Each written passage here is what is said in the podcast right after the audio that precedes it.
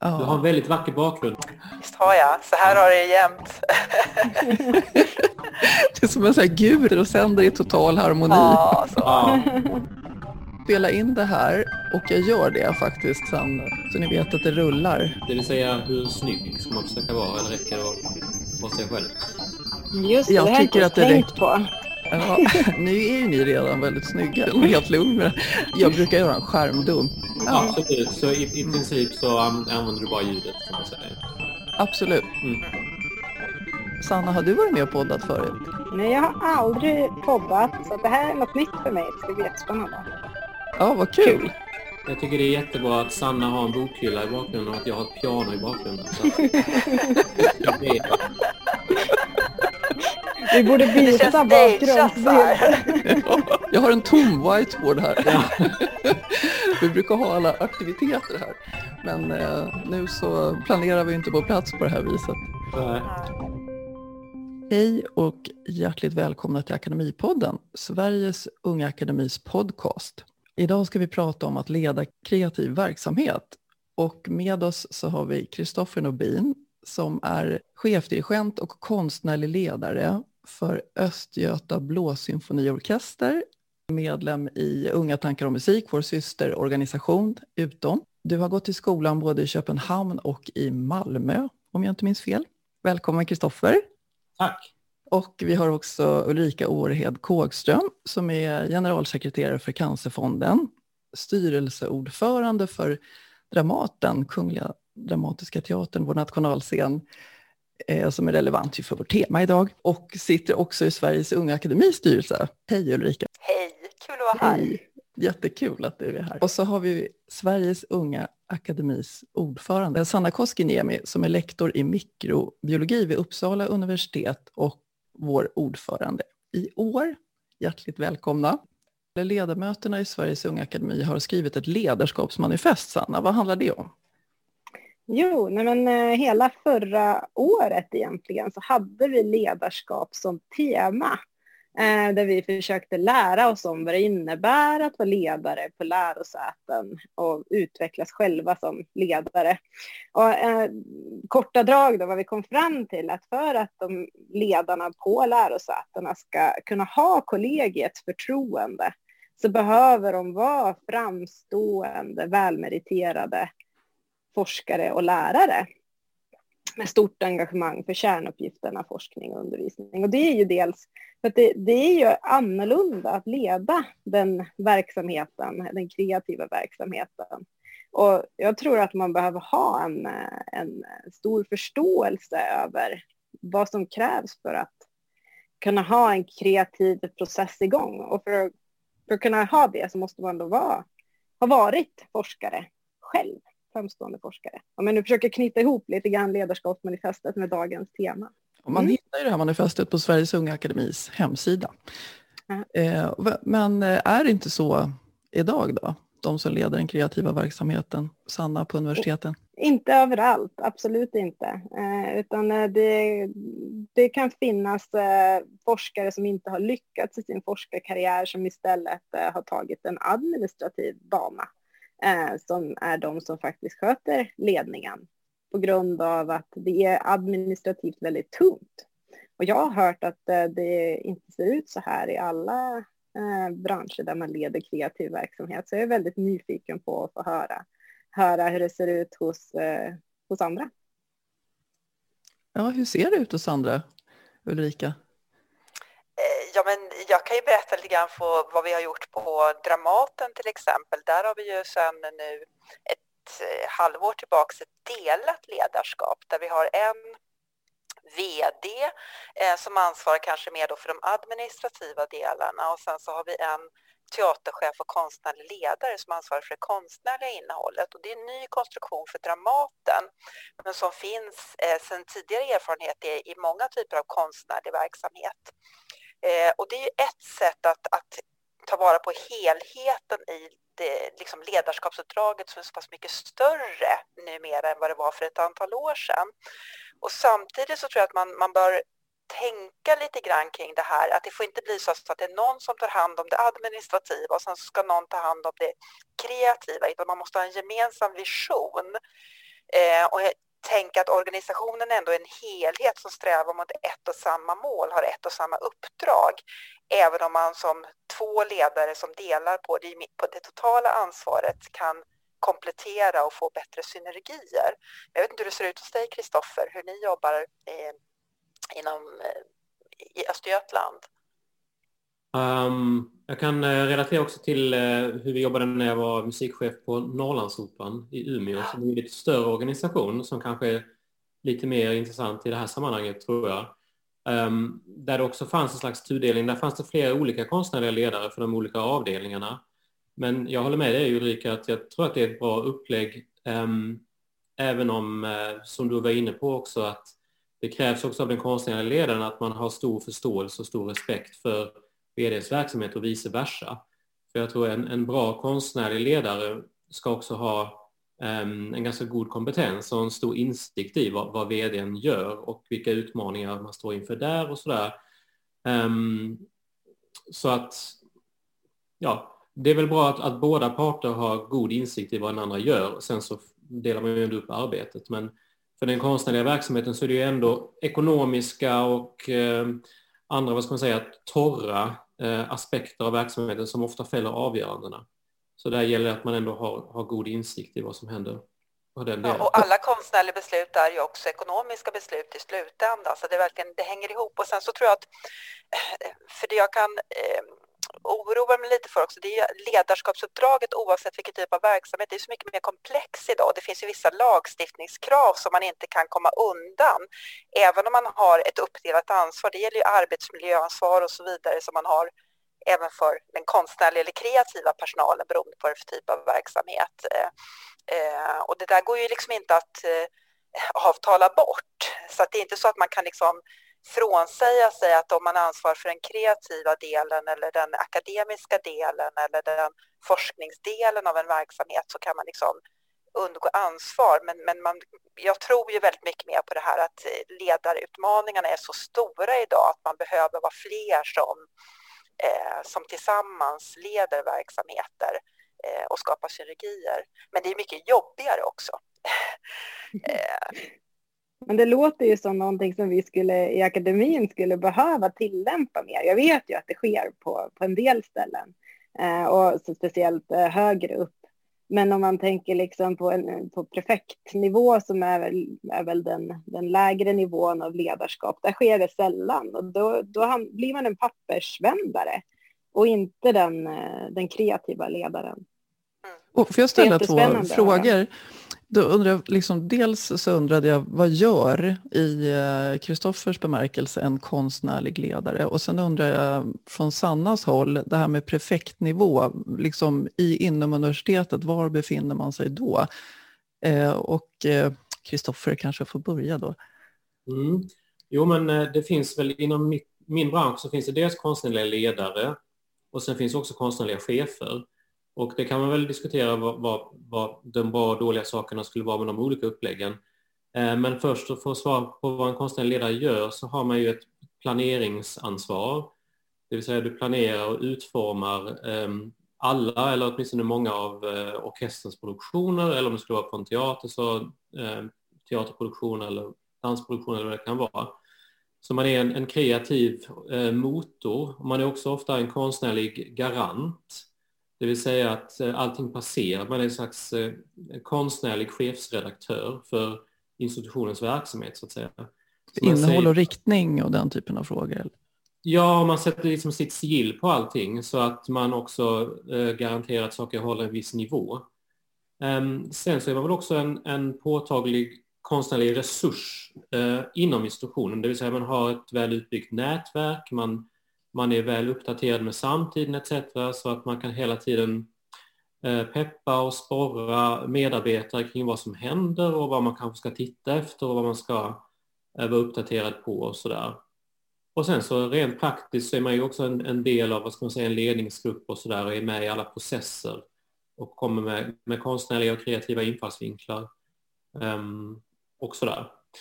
Ja. Jätteintressant. Ja, Sanna, vad säger du om eh, strukturen på universitetet? Du sa att på prefektnivå. Ja, precis. Prefekten leder en institution. Och de kan ju såklart variera i storlek eh, från, från att vara 50, 30, 40 personer till flera hundra. Eh, framförallt så leder man många oberoende forskningsledare, så man är en ledare för ledare redan. Inom ett eh, fält då? Ja, inom en, en ämnesinriktning kan man säga. Jag tycker det låter jättespännande när du säger att eh, den konstnärliga ledaren sätter riktning och har någon typ av kvalitetskontroll över det man producerar. Så ser det absolut inte ut idag på en institution. Prefekten gör inte det. Det hade varit jättespännande om, om man gjorde det, men så ser det inte ut. Um, för det är väldigt tydligt när man rekryterar personer till en konstnärlig verksamhet, när man rekryterar en konstnärlig ledare eller en teaterchef, då är det ju den personens vision och konstnärliga idé och riktning man är ute efter som styrelse när man gör en sån rekrytering. Det är det man vill komma åt, för det är det som ska bära verksamheten framåt de kommande åren. Så det, är, det är väldigt speciellt. Och det har jag mm. förstått att man inte gör då inom den akademiska världen på samma sätt. Nej, men man kanske borde. Ja, det tycker jag det skulle vara spännande.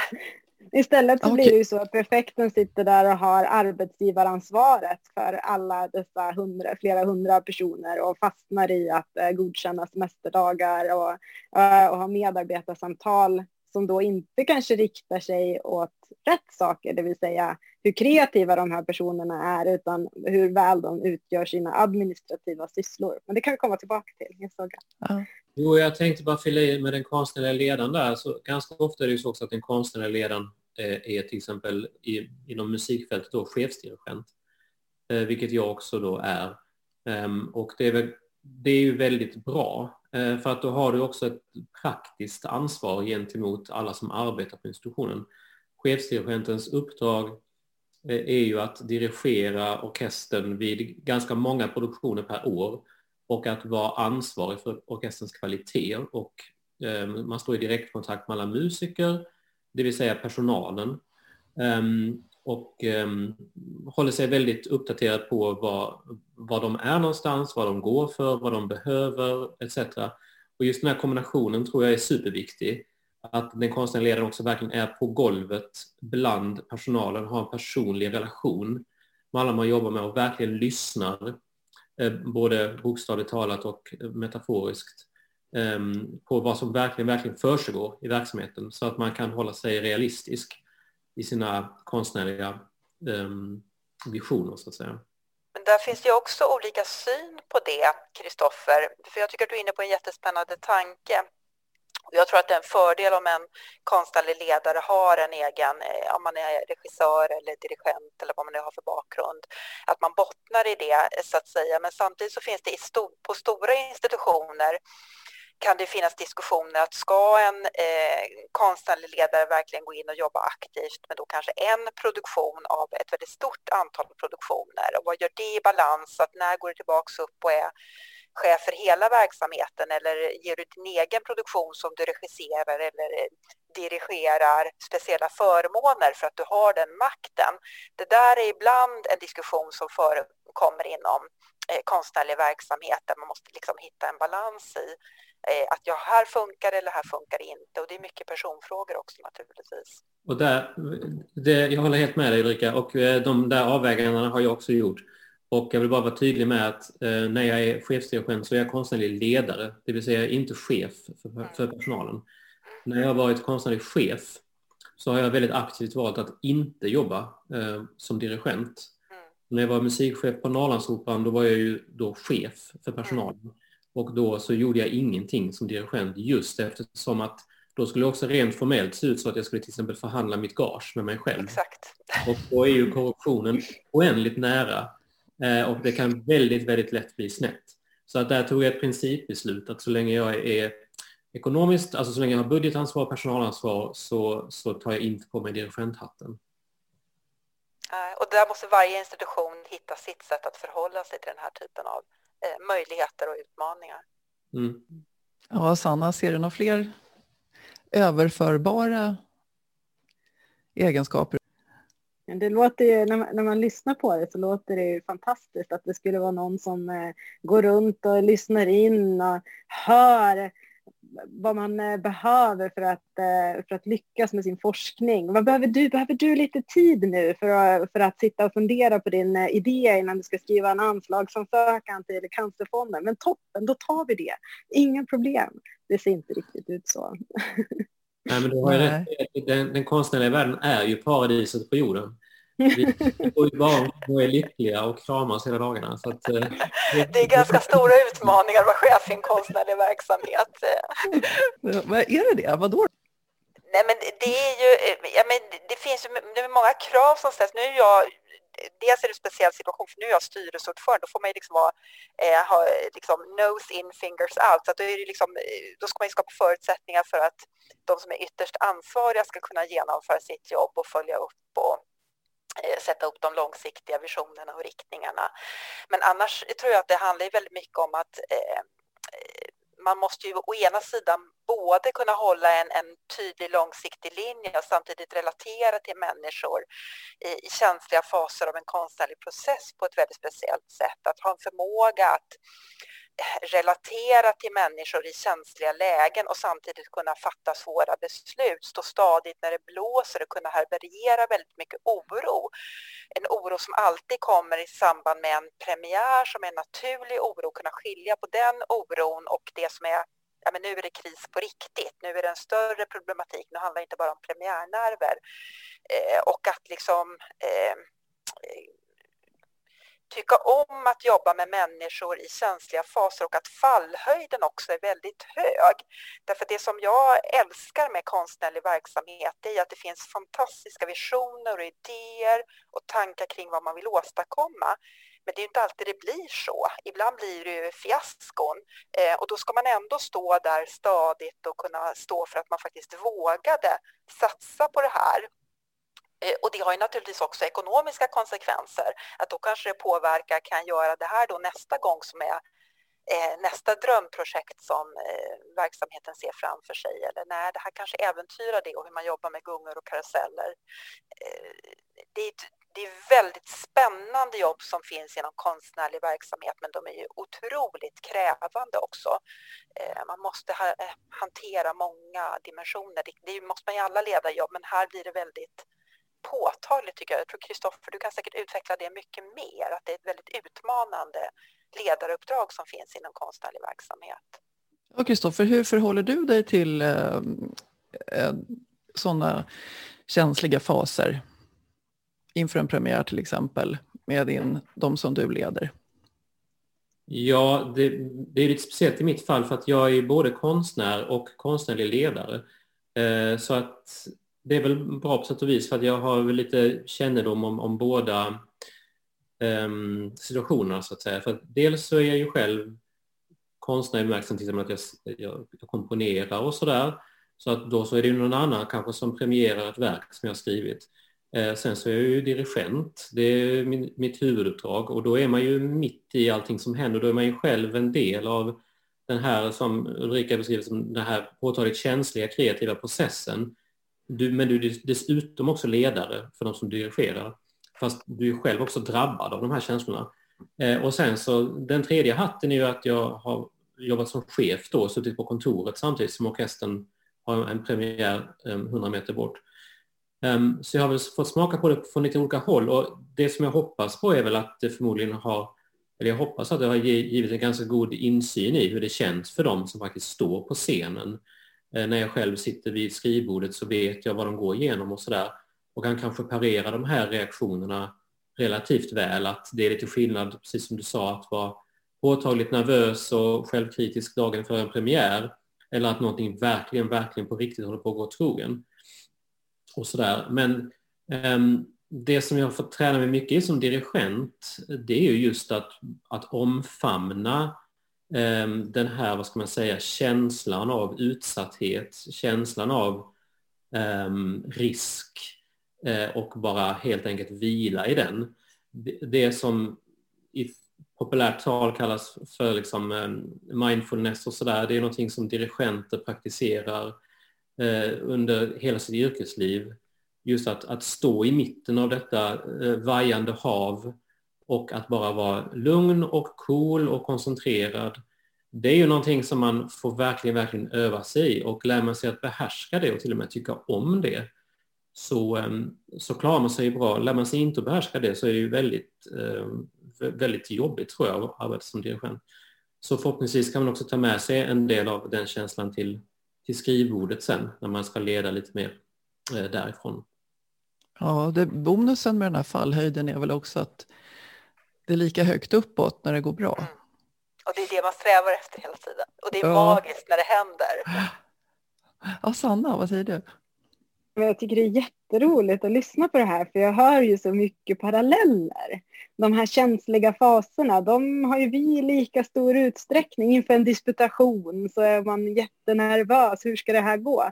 Eh, inför en intervju, för, om man kanske ska få ett stort anslag, mycket forskningsfinansiering, de besluten, när de kommer, finns jättemycket oro. Eh, så, så jag tror att ledarna inom akademin egentligen har väldigt samma utmaningar. Och det är just här det kommer till eh, det här behovet att de ledarna vi har är starka forskare. Jag går tillbaka till det som Kristoffer sa, men du har erfarenhet och därför kan du relatera till vad de här personerna känner. Har man inte haft en, stor, en forskarkarriär och gått igenom vissa av de här faserna, då vet man inte, då kan man inte relatera och det blir mycket svårare att förstå vad de här personerna behöver alla har ju troligtvis disputerat, så just den exemplet eh, är, inte så bra här. Där, där, tror jag alla kan relatera. Men när det kommer till just de större anslagen och vad det innebär att driva stora forskningsprojekt, koordinera stora projekt som är, där är många inblandade, det kanske man inte förstår. Om man inte är väldigt bra eh, på att lyssna eller lyhörd och förstå, lyssna på vad mm, de som leder det här behöver. Visst är det och kul? För det, är, det är jättespännande, för jag tänker Sanna, jag, jag är nyfiken på hur du tänker för att det tar ju att vara ledare tar ju då tid från att det blir lite ett val nästan. Ska jag fortsätta med, mitt eh, spännande, med min spännande forskning eh, eller måste jag göra valet att då bli chef för ledare? Eh, eller kan mm. jag kombinera det? Hur ser du på det? Är det möjligt att kombinera på liksom riktigt höga nivåer på det sätt som Kristoffer beskriver till exempel. Och det är väl det som lite saknas. Det var väl andra delen av vårt ledarskapsmanifest som jag inte pratade om. Vad behöver då starka forskare för att kunna ta ledarskapsuppdrag under en period? Eh, för att sen fortfarande kunna återgå till sin forskning efteråt. För tanken är att det här ska vara ett kollegialt ledarskap, att man roterar, att det är olika personer som leder vid olika tillfällen så att man inte blir fast i just ledarskapsbanan och aldrig kan gå tillbaka till golvet. Och då behövs det ju administrativt stöd tror jag är en sak. Att, man har en sån här, äh, någon som gör, gör de administrativa delarna av eh, ledarskapet, av chefskapet, har hand om budgeten och så vidare.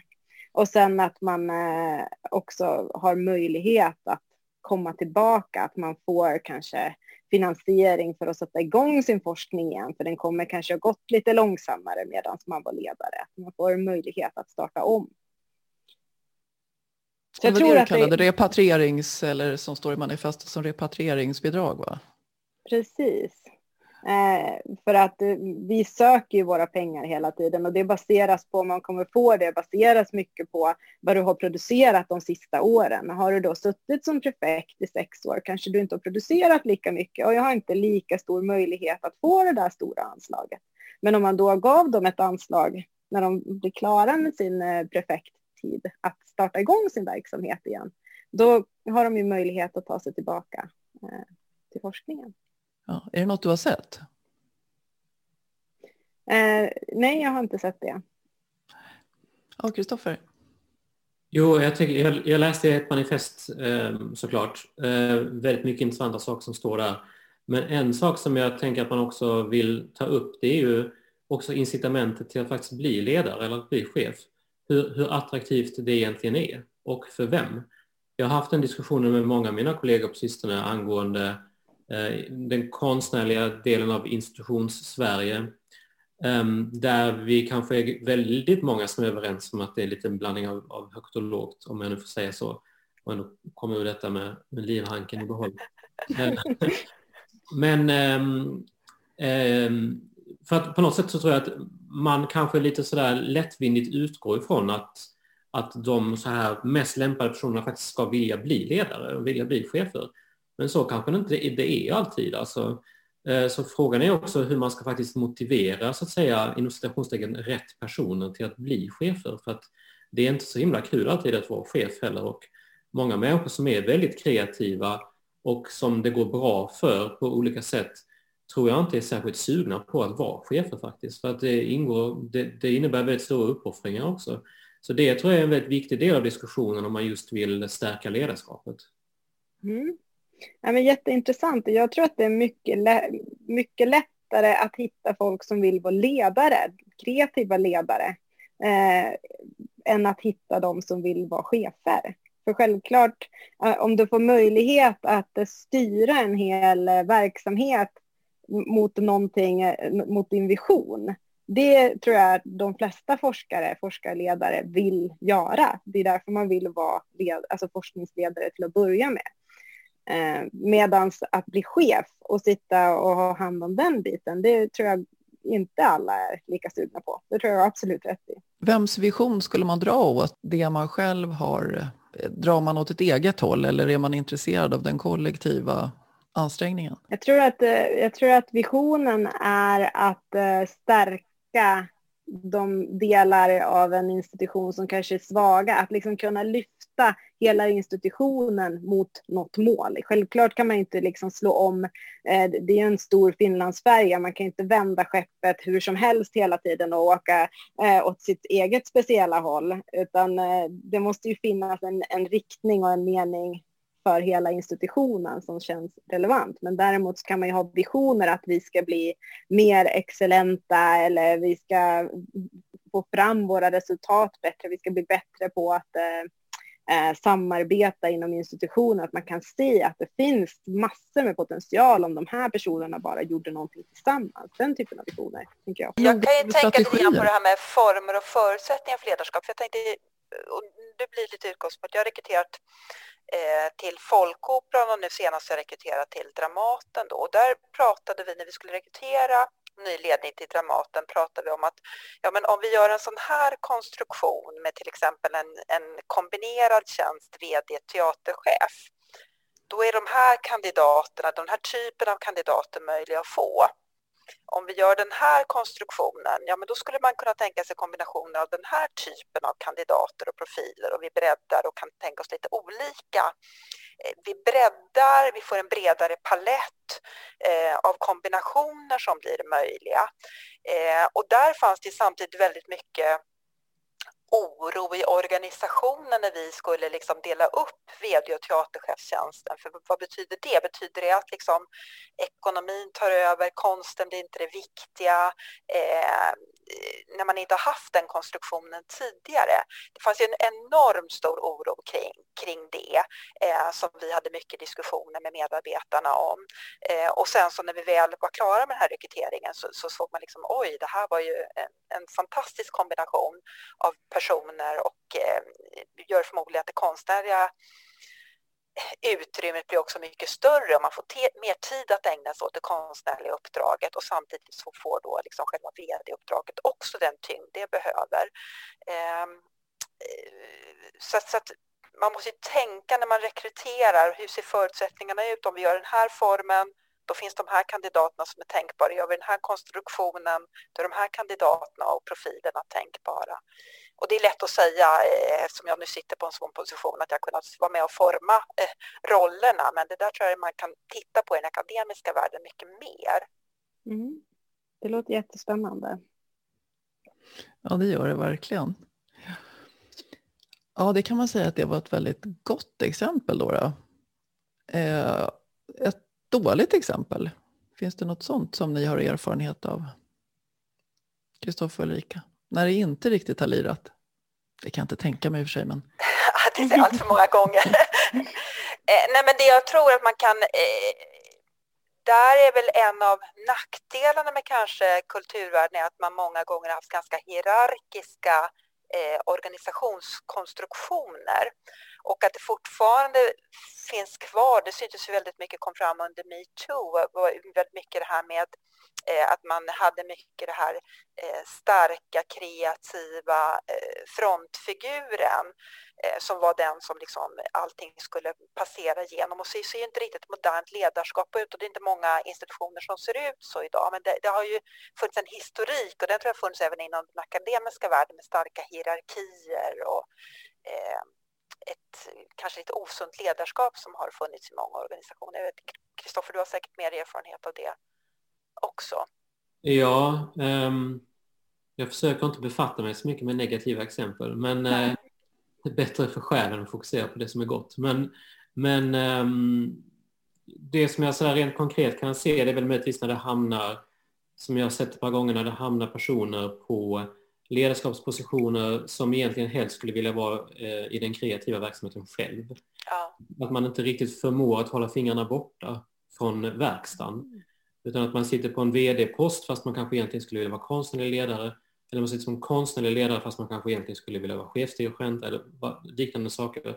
Och det tror jag är rätt så vanligt, eh, eller liksom jag tror inte att det är vanligt, men jag tror att det är ganska vanligt inom kulturbranschen att det är just Ehm, kulturarbetare själva som tar de här ledarskapsposterna.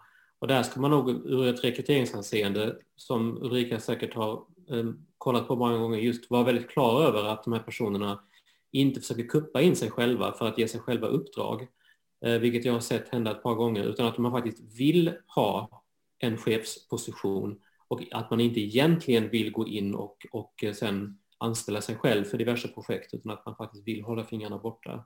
Det där kan nog gå lite snett tror jag. Kan det vara omvänt då? Att någon eh, får en ledarposition eller ett chefsjobb eh, och ganska stort mandat då, men som inte kanske har eh, tillräcklig erfarenhet eller eh, förståelse för den eh, egentliga verksamheten? Ja. Absolut, mm. tyvärr. ja. Nej, men bara svara ja på den frågan. Vad gör man då? Ja, det beror väl på vem man är i det här fallet.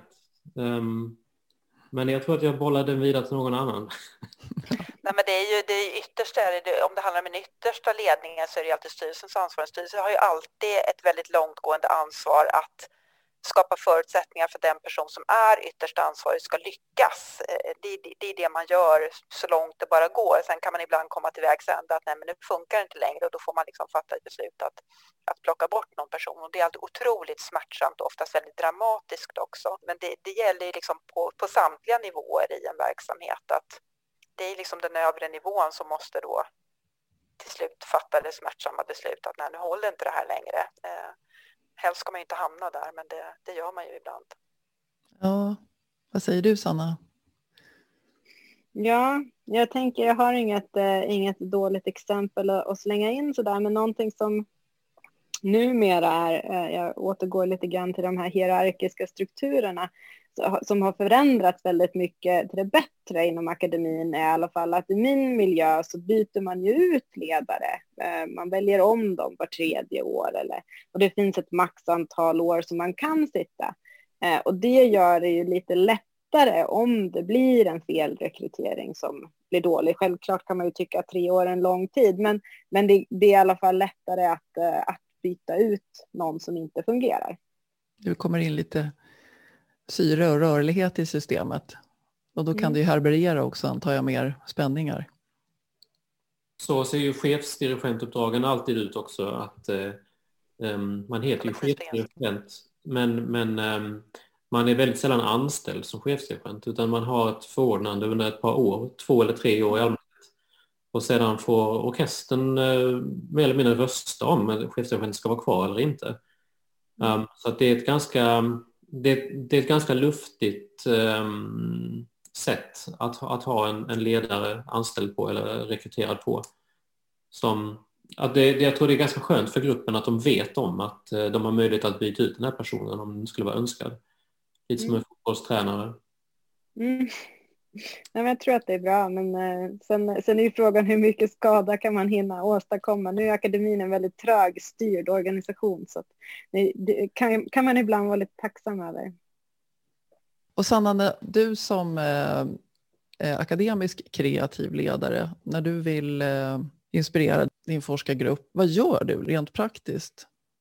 Mm. Om ni ska starta ja. ett nytt projekt eller ni har kört fast i eh, en riktning eller? Ja, det finns ju många olika saker man, man behöver göra. Det beror ju helt på problemet. Men jag tror ett av huvudsakerna för att få till en kreativ miljö, det är att skapa en känsla av tid. Det behöver egentligen inte finnas tid, men det måste kännas som att man har tid. Om ni förstår vad jag menar. Ja. Eh, för att man, känner man sig stressad, det är väldigt lätt att folk fastnar i någon typ av eh, känsla av att det är stressigt. Och då försvinner det kreativa eh, ur verksamheten. Så det är stress som ordna... är kryptoniten då, då? Jag tror att det är kryptoniten eh, på något sätt. Och sen också att eh, ha inspirerande möten och, och få till en bra balans mellan just nu jobbar vi kreativt och nu redigerar vi till exempel. Vi skriver ju vetenskapliga artiklar. Och, och, I alla processer så måste man ha en period när det är okej okay att bara vara kreativ och slänga fram idéer. Man kan inte vara, ha kritik på en gång. För att om man gör båda sakerna samtidigt då, då hämmas den kreativa processen. Så tänker jag. Jag vet inte ni andra tänker. Känner du igen det, Kristoffer? Ja, um, det är det här sista absolut. Uh, just en, en, en viktig beståndsdel i kreativitet är ju att inte utvärdera samtidigt som man skapar. Mm. Utan skapandet får ha sin plats och utvärderandet har sin plats. Um, jag håller alltså, med. Man ska oss. våga bolla idéer. Ja, och jag tror samtidigt så tror jag att när man blir som mest kreativ, när man har någon slags tydliga ramar som man sen kan försöka liksom bryta mot. Eh, eh, för det finns ju också någon myt om att man inte ska ha några ramar eh, eller någon riktning. Men, men ofta så är det det som gör att man blir ännu mer kreativ. Man vill hela tiden tänja lite grann på det där. Och, så att jag tror att en förutsättning för att man ska kunna vara kreativ och få spännande konstnärliga, konstnärlig utveckling, det är någon slags ändå långsiktig riktning, eh, någon slags tydlighet i kombination med att inom den här boxen få vara väldigt eh, eh, tillitsfull och, och våga liksom göra saker utan att det recenseras och petas på hela tiden. För jag tror man ska prata om någon slags eh, kryptoniten när det gäller kreativitet. Så för, och det, går ju igen, det kan jag tala för min egen del som inte är då eh, kreatör eller eh, konstnär själv så är det liksom detaljstyrning. Det dödar ju allt hos mig. Eh, och det tror jag liksom, det dödar allt i en konstnärlig eller kreativ process också. Det är liksom eh, det är detaljstyrning och eh, när man inte har tillit, med det här kontrollerandet hela tiden. Det tror jag är liksom livsfarligt. Mm. Och jag tror det där med, med, riktning är ganska lätt för oss, för vi gör ju oftast någon, eh, något vetenskapligt problem som vi vill lösa, men vi vet inte hur. Och det är där vi behöver kreativiteten. Hur kan vi komma dit vi vill? Och det är ju den gemensamma riktningen. Och sen så kom, måste alla få försöka komma på sitt sätt att ta sig dit. Det finns otroligt mycket att säga på det här ämnet så jag vet knappt var jag ska börja någonstans. Men jag får bara börja med att kommentera några av de sakerna som du sa Ulrika, med just, eh, alltså apropå kanske vad som är en bra kreativ ledning, eh, vad som skapar goda förutsättningar, för det känns som vi är inne lite på det. Och det just som du säger, att inte detaljstyra och att ge ett bra ramverk. Det tror jag just, just det här att ge goda förutsättningar och som du sa, att eh, Sanna, med att skapa en känsla av att det finns tid, det är ju en del av förutsättningarna så att säga. Så att, att, kunna, att kunna ge den, den kreativa personalen eller de kreativa personerna rätt förutsättningar och där krävs, en, där krävs ganska mycket insikt i vad uppdraget innebär också. För att eh, du sa Ulrika att något som är väldigt skadligt för dig det är detaljstyrningen. Och jag håller med om att detaljstyrning i sig är ju naturligtvis väldigt farligt men, men samtidigt är ju detaljkännedom är ju jätteviktigt hos en ledare. Och där kan det vara så inom min, min verksamhet till exempel att bara att man säger att det ska vara skrivet för eh, en symfoniorkester och man glömmer att säga att eh, klarinetterna måste vara A-klarinetter, det får inte vara B-klarinetter. Det förändrar att det finns eh, en ton på klarinetten som inte går att spela. Eh, och det kan, det kan se, låta som en petitess, petitess, petitess. Men det kan liksom skälpa en hel skuta för en kreatör, för då så var tonarten fel och då så måste man ändra allt och bla bla bla. Så att det är, också, det är en väldig skillnad på detaljstyrning och detaljkännedom. För det kan jag tycka som kreatör själv, att om det är någonting man verkligen vill ha från sin ledare eller från sitt uppdragsgivare, så är det att de är väldigt väl pålästa och förstår vad det är för uppdrag de ger en. Så att ramarna är relevanta och att ramarna är, är rimliga.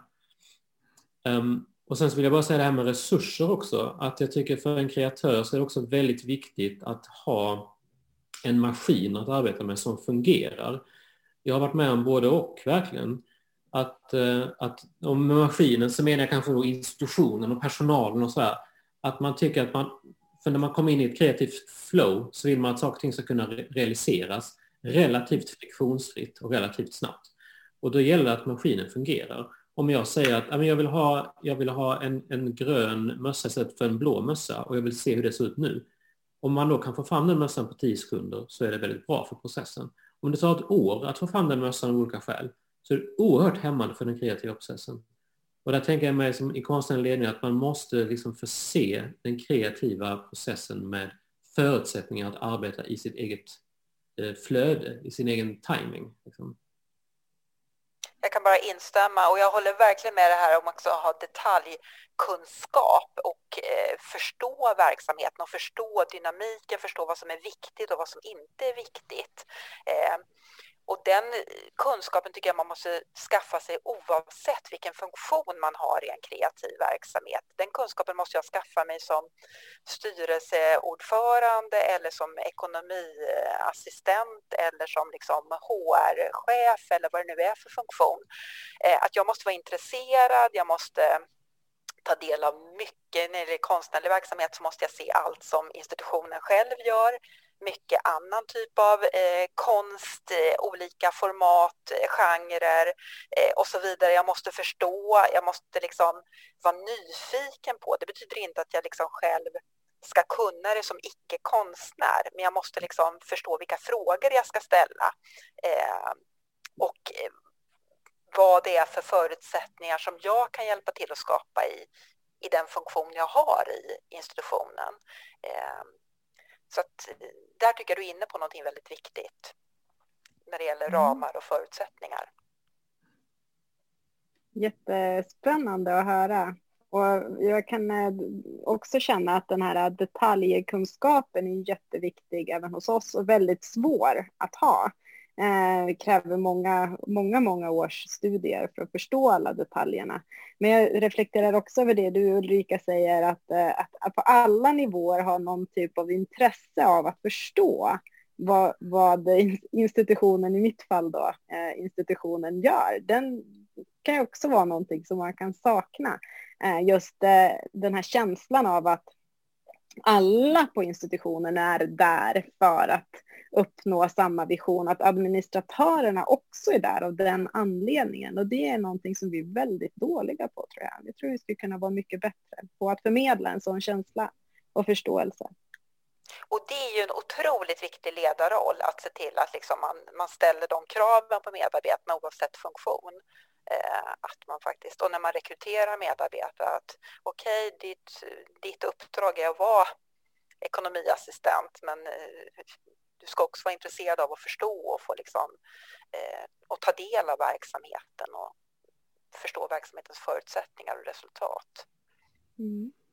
Vad gör man om en eh, administrativ medarbetare eh, inte drar åt samma håll eller upplever att eh, siffrorna är, är viktigare än att få fram den rätta mössan?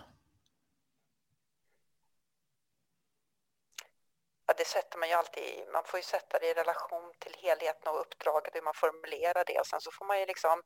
Det gäller att skapa en nyfikenhet kring uppdraget och skapa ett engagemang och ett intresse. Det gör man ju på många olika sätt. Eh, eh, jag tänker på om jag går till Cancerfonden då, så har ju vi liksom interna föreläsningar om liksom med forskare eller som informerar om olika saker och sånt där som, som är för alla medarbetare. Oavsett vad du jobbar med så får du ta del av föreläsningar om, av årets cancerforskare eller någonting. Och, och det finns ju ofta ett väldigt stort engagemang hos medarbetare för det. Man tycker att man får det extra, det är roligare att jobba på Cancerfonden eh, med vissa typer av administrativa funktioner än vad det kanske är i andra verksamheter just för att man får den här helhetssynen eller på Dramaten eller vad det nu är för någonting. Så att eh, de flesta medarbetare ser det som ett mervärde och någonting som inkluderas men alla gör ju inte det och då, ja, då är det ju en, en ledarutmaning. Att ja. man inte förstår vad man är till för. Vad är, vad är liksom uppgiften för organisationen? Men jag, jag tror också att, um, som du sa Annika, att om man har en ekonomiassistent som är mer intresserad av siffrorna än, än som du sa mössan där, så, så tror jag nog snarare att, att det att man har misslyckats med att, att involvera dem i, i organisationen på rätt sätt. Jag tror, snar, jag tror väldigt sällan att det är ett aktivt ställningstagande att man skulle liksom vilja gå emot institutionens vision, utan snarare kanske att man inte känner sig tillräckligt inkluderad. Att ledningen kanske har underskattat hur mycket information man måste gå ut med, hur mycket man måste inspirera, hur mycket man måste inkludera och jag tror att då får man bara lägga manken till och se till att alla i personalstyrkan känner att man är en del av, av, samma, av samma uppgift. För samtidigt så vill vi inte heller ha då ekonomiassistenter som egentligen hellre vill stå på scenen själva. Fast nu hamnade man på ekonomiavdelningar, för det har vi också sett på många, eh, allt för många institutioner, att egentligen så sökte man sig till det här jobbet för det var det enda som var ledigt, men man drömde om att stå på scenen. Det, det blir inget bra, utan man ska älska att vara ekonomiassistent, men på en teater.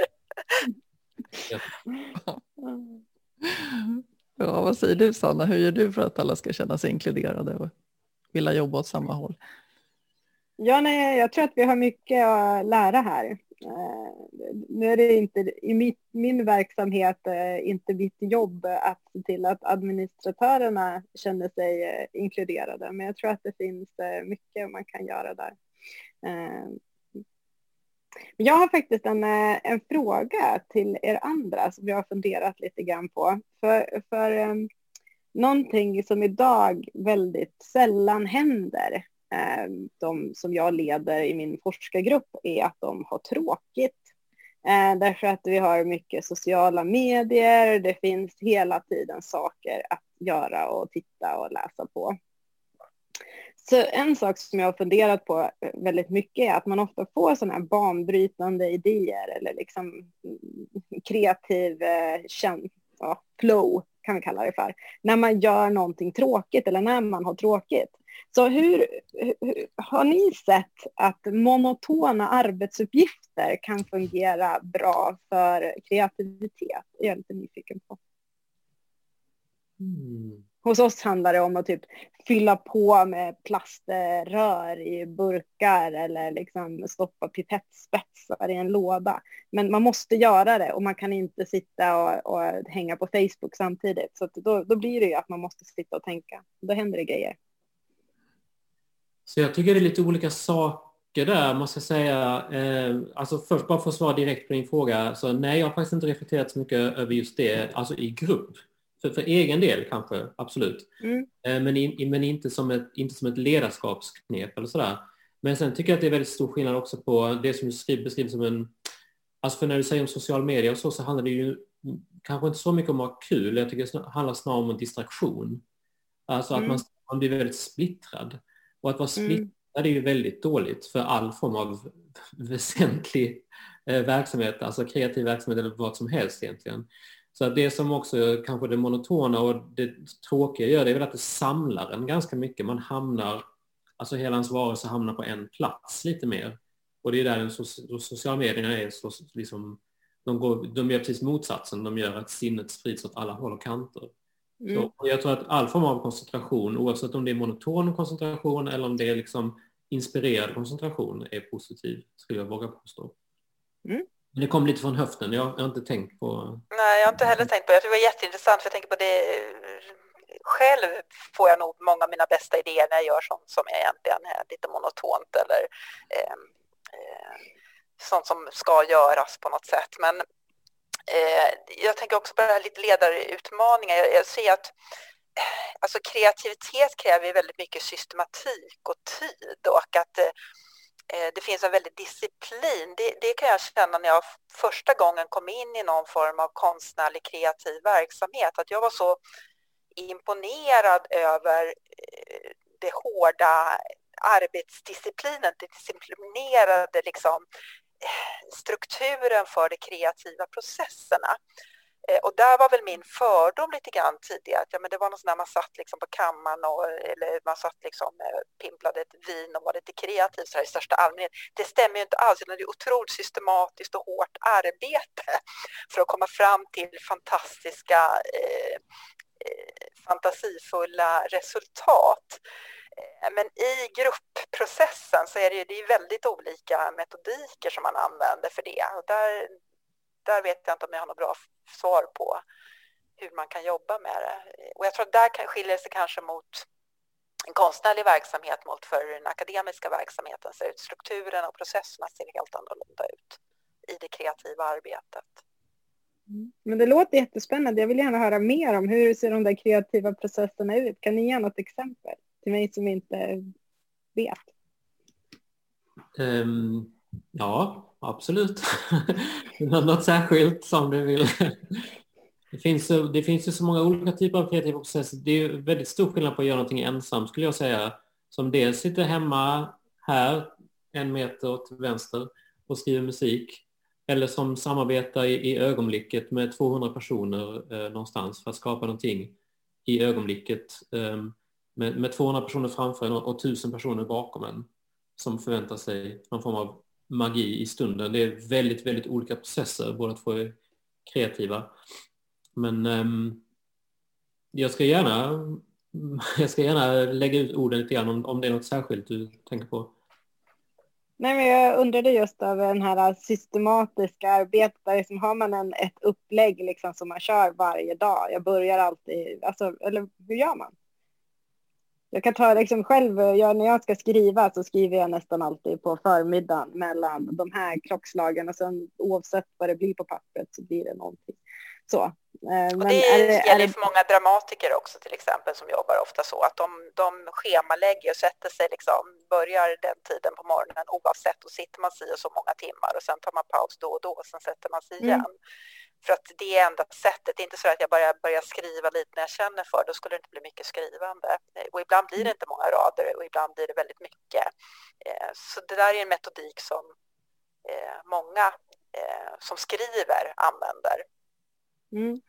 Jag, för, jag tog del av ett citat häromdagen som jag tycker var väldigt bra och som passar bra in här. Jag såg någon sån här onlinekurs med en, med en en tjej i USA som skriver massa bra popmusik. Och hon hade en skön sägning tyckte jag som var If you wanna get hit by a train um, you gotta stand on the tracks. Och, alltså på, på rälsen. Och det tycker jag är en väldigt bra grej för att om man jämför idén, kreativiteten med att bli, att bli påkörd av ett tåg. Så enda sättet att bli påkörd av tåget är att stå på spåren. Och det, det tror jag är liksom lite grann skillnad på de som klarar att upprätthålla en kreativ verksamhet och de som inte klarar att upprätthålla den, det är att man måste hela tiden hålla sig tillgänglig för kreativitetens kraft. Och det innebär att avsätta mm. tid, att avsätta energi, att, att disponera och, och, att vara disciplinerad. Och sen så kanske det är vissa dagar där det inte kommer någonting, kommer inget tåg. Men då får det vara så. Men när tåget väl kommer, då, då står man på spåren och då är man redo att ta emot det. Så att säga. När vila är det också, att många dagar så går det inget tåg. Mm. Vilken fantastisk ja. Eh, sammanfattning om hur man ska göra. Det här kommer jag ta med mig. Bli nu inte överkörd av ett tåg på riktigt. Nej, Sanna, det vill vi inte vara med om. Jag hade kanske också den fördomen tidigare om eh, konstnärlig verksamhet, att det var inte så strukturerat, men många har ju också stora infrastrukturella utmaningar, att man har bara tillgång till en scen si och så många timmar och den ska alla samsas om. Och man måste med väldigt många yrkesgrupper, det är som ett urverk alltså. Som ja, man ska få. Kanske 70 olika yrkeskategorier som är inblandade i en uppsättning och du börjar ju inte en föreställning eller en konsert för sent. Och det är, alltså att ofta så kan jag uppleva också att när man kommer till ett möte och du bokat tid med ett möte med en skådespelare eller en musiker så kommer de alltid på sekunden. Om de skulle vara 30 sekunder försenade så ringer de och säger innan, förlåt jag ser, för man är van att aldrig missa en entré. Det, är liksom, så det finns ju inom många eh, kreativa... Ingen akademisk kvart, liksom. nej. nej. ingen akademisk kvart, det finns inte på kartan. eh, så, så att, eh, det är också sådana fördomar som man kan ha, men det, det finns ju fördomar om alla yrken. Mm. Som ett exempel, förlåt, avbröt jag dig Ulrika? Nej, inte alls. Um, jo, men som ett exempel, jag, jag ska göra en produktion nästa vecka och det är med en av orkestrarna här i Stockholm och det kommer då spelas in och läggas ut på, på internet på så här streamingtjänst för alla att eh, ta del av och det är ju en, en fullängdskonsert då med en symfoniorkester och då alltså den spelas in eh, klockan två på eftermiddagen och vi, vi börjar repa klockan tio samma dag. Det är alltså första gången vi ses. Det är första gången man öppnar noterna, det är första gången man säger hej till varandra. Så det säger sig självt att om man inte disponerar dem, vad man har, två och en halv timme kanske, eh, pauser borträknade, på rätt sätt så, så blir det så blir pannkaka av alltihop. Så att det är mycket time management och det är mycket just disciplin och kontroll och god schemaläggning och god disciplin och sådär som, som avgör väldigt mycket hur en sån process går. Kanske ännu mer nästan än vad ska man säga, den konstnärliga expertisen så handlar det också om att kunna disponera tiden och att eh, sköta, sköta det på rätt sätt. Liksom. Ja, det är som när man bokar observatorier. Som... Ja. Och att var och en är väldigt noggrant förberedd innan också. Ja. Det är verkligen... Mm. Det är extremt oh, mycket logistik i konstnärlig verksamhet. Det är otroligt mycket logistik och schemaläggning och eh, mycket time management överhuvudtaget. Det är det ju.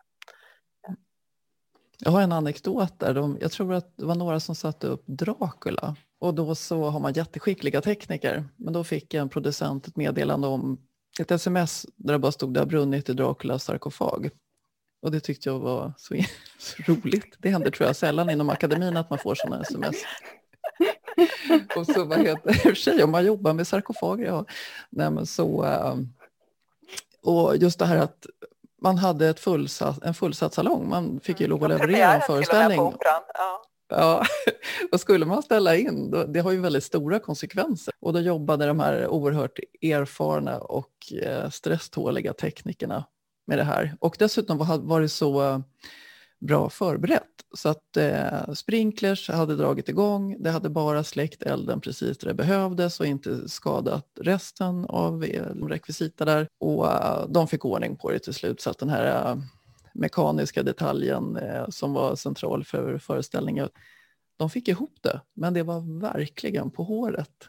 Det som jag bara kom att tänka på också när du berättade det, det som, som jag tycker är väldigt viktigt i vår verksamhet, den konstnärliga verksamheten, det är därför nu har vi talat ganska mycket sådana här strikta termer om time management och sådana här snygga grejer. Men det måste alltid blandas upp med, med glädje och passion. För att eh, ibland så, så är vi nästan militäriska i vår exakthet. Och som dirigent till exempel är det väldigt speciellt för att när man har en repetition med symfoniorkester till exempel så så är det bara dirigent som talar i princip. Nästan ingen i orkestern säger någonting. Vilket för liksom en tillfällig besökare kan se helt absurt ut, extremt gammel, gammeldags. Så att klockan 10.00 då sätter man igång, dirigenten bestämmer vad som görs, orkestern spelar. Så, så går det till i princip. Ehm, men mitt i allt detta väldigt kontrollerat så måste ju alltid passionen och glädjen, medmänskligheten, känslorna alltid ändå alltid företräde. För i samma ögonblick som du inte har det så är det inte längre konst. Och det, det, fungerar inte längre för de människorna som arbetar med det. Apropå den brinnande sarkofagen så liksom ett skratt är aldrig långt borta heller och, det, och så ska det också vara. Att även när det är liksom knivet mot strupen så, så är det ändå glädjen och passionen som är det centrala i det vi gör. Ja, då, då skapar man den här tiden tror jag som Sanna var inne på. Att man, eh, en känsla av att det finns lite utrymme kvar att ta av. Hörrni, jag ska eh, vara försiktig med er tid nu. Nu är klockan två. Eh, det var kul, Kristoffer, att du ska spela. Kan man se det här någonstans eller dirigera? Eh, ja, det kan man. Absolut. Mm. Eh, får man göra reklam i detta forum? Ja, det får du så gärna mm. göra. Bring it on. Ja, nej, men det, det ligger på Berwaldhallen Play och på Radiosymfonikernas, alltså Sveriges Radios hemsida. Får man titta. Ja, oh, vad roligt. Ja, och man får se dig i samarbete med Sveriges Unga Akademi också, Kristoffer, den 4 december i eh, samtidsarenan som Kulturhuset Stadsteatern står för. Eh, och det kommer också att streamas. Sverigesungaakademi.se och också kan man enkelt googla samtidsarenan. Det handlar ju också om kreativt ledarskap.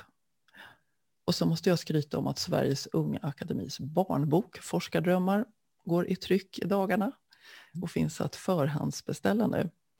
Åh, Ulrika, vill du berätta om någonting som eh, är på gång i någon av dina verksamheter? Ja, men jag hade ju önskat att jag hade kunnat få berätta om eh, alla premiärer på Dramaten, men nu eh, med tanke på läget så eh, har vi ju repeterat upp så vi kommer att ha många fina produktioner att visa så fort vi får öppna upp. Och det också handlar om att ha en konstnärlig verksamhet, att ha en beredskap för att så fort vi får ta emot publik då kommer det finnas fantastiska saker att erbjuda. Nu får man än så länge nöja sig med att se Eh, en jättespännande performance lecture på SVT Play som släpps nu i helgen med Johan mm. Rockström där vi blandar oh. verkligen forskning och eh, teater eh, på ett väldigt spännande sätt. Ett nytt sätt att presentera föreställningar i regi av eller presentera forskning i regi av Dramaten tillsammans med skådespelare. Så det rekommenderar jag verkligen. SVT Play eller Dramaten Play i väntan på att få besöka Dramaten igen. Annars så måste jag ju prata om Cancerfonden att vi håller på att dela ut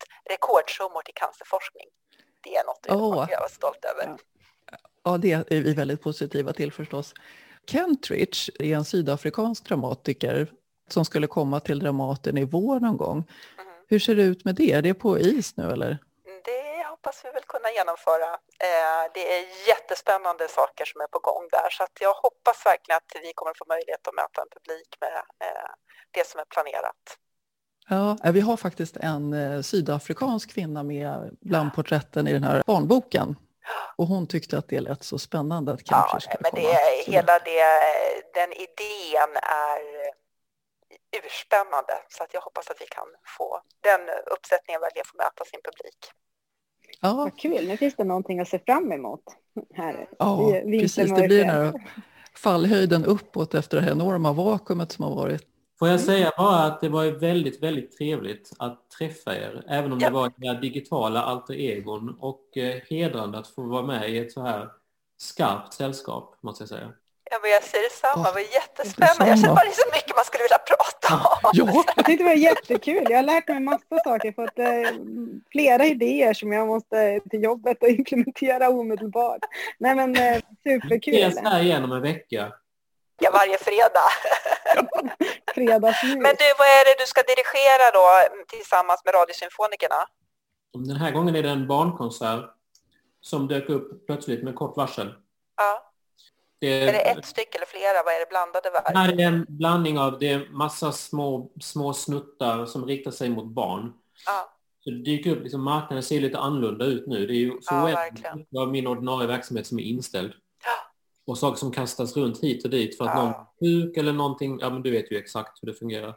Så plötsligt så dyker det upp lite konstiga förfrågningar och, ja. och i, för min del, precis som för alla mina kollegor, så hoppar man väl, hoppar man väl på det mesta just nu. För ja. att eh, det är ju väldigt ransonerat bland det som man trodde att man skulle göra. Så. Ja, men jag sitter, vi sitter och planerar om hela tiden, vecka för vecka, eller Mattias Andersson är ju framförallt som gör det. Eh, nedlagt skjutet, kan man flytta kontrakten med internationella regissörer eller går inte det? Är de uppbokade? När tror vi att de kan komma? Kommer de inte kunna komma till Sverige överhuvudtaget? Det är ju ett sånt pussel. Ja. Du känner igen Sanna med internationella forskare, där ja. juridiska... Ja. Är du inne i det? Alltså, Ulrika, jag tänkte när jag hörde dig prata om vissa saker, det kändes som att du är ganska inne i det operativa arbetet. Är du det? Nej, men jag är ju inte det på Dramat, men jag har jobbat. Jag jobbade på Riksteatern i väldigt många år och sen så var jag ordförande för Folkoperan i eh, något år och sen så är jag, jag är extremt intresserad så att jag ser ju allt Dramaten gör och inne och Mattias Bollar, men i min styrelseordförande-roll så är jag ju inte inne i det utan det är bara mitt intresse av den konstnärliga verksamheten att jag ser allt eh, oavsett om det är barnteater eller vad det nu är för någonting. Och ja. Det är min tidigare erfarenhet från konstnärlig verksamhet. Eh, ja. Jag var chef för scentekniker, jag, var chef, ja, jag har varit chef för Lars Norén också i och för sig för väldigt många år sedan. Men i, som ordförande ska man ju absolut inte in, styrelsen ska ju verkligen inte in i det operativa. Men det är en fördel att jag kan det sedan tidigare. Absolut, absolut. Men som, som du säger, det är viktigt att man kan det men ändå ha omdömet att, att uh, sätta en gräns för ja. hur man närmar sig liksom, arbetet. Ja, precis. Det är verkligen det. För det är en svår avvägning. Så där får jag hålla i liksom, de övriga styrelseledamöterna. Där får ni inte in och peta. Eh, det är min roll, så att hålla, hålla dem borta från verksamheten och se vad är styrelsens ansvar. Det finns ju massa andra aspekter som jag skulle vilja prata om, men det får vi ta i det får vi ta en annan gång. Det finns ju massor. Jag känner också att vi har hur mycket som helst att fortsätta prata om. Och jag ser ju utifrån det jag ser, ja, med den kontakt jag har med forskarna och från Cancerfondens sida, det finns ju otroligt mycket som skulle kunna göras när det gäller akademiska Så ledarskapet. Så mycket bättre, eller hur? Ja. Eh, och där tror jag att Sveriges Unga Akademi, ni kan ju verkligen vara murbräckan i att, eh, för ni blir tillräckligt många för att få liksom hävstång, kan liksom ta kraft i varandra, men när ni är tillräckligt många som får viktigare och viktigare positioner så kommer ni att kunna göra det. Mm. Nej, men jag tror ju det, för att det är så man åstadkom den här typen av strukturförändringar och omvandlingar, att det är jättesvårt att en eller några få personer ska driva det. Det, det krävs att flera har samma idé om vad ett, ett ledarskap skulle kunna vara i den akademiska världen och som ändå är forskare själva. För annars är det lätt att det skulle kunna vara någon som kommer utifrån och har en idé om vad ett modernt ledarskap det, skulle Det är så vara. svårt att få inte... det liksom förankrat ja. och accepterat ja. i, i miljön. Men eh, ja. vi har ju det här kollegiala systemet så det måste ju göras inifrån. Ja. Ja. Förhoppningsvis. Om ett årtionde ses vi igen och så tar vi om det här samtalet. Jannica och till Sanna att eh, alltså, all form av interaktion som vi kan ha med varandra också, våra olika eh, grupper, är ju jätteväl, alltså för vår, jag tar det utifrån vårt perspektiv, jätteintressant att träffa er mer och att prata mer. För det är ju de här mötena just när man har en del, en del saker som man verkligen delar men också väldigt olika perspektiv på vissa saker så, så man lär man sig supermycket. Så, I alla fall för oss. Absolut. Jättekul, eh, för vi håller funderar här på att lansera lite studiecirklar. Jag vet att ordet är jättetråkigt, men så här, lära av varandra, Zoom-sessions för att hålla modet uppe under pandemin här när den fortsätter under vintern. Det kanske är någonting vi kan göra tillsammans. Vi har ju, vi har ju Zoom-möten varje vecka i, i, i Unga tankar och musik. Och alltså, vi, kan väl ha, vi kan väl ha lite gemensamma Zoom-möten någon gång. Så länge mm, det nu. Det här kan vi prata om någon annan gång, men bara när vi ändå hade varmt på tråden. Låter jättebra tycker jag. Kul. Mm. Väldigt kul att ses. Tack så jättemycket verkligen. för att eh, ja. ni var med. Ja. Stort tack för er medverkan och kärt tack förstås till alla som har lyssnat. Vi hörs! Det gör vi. Ta hand om er. Hej.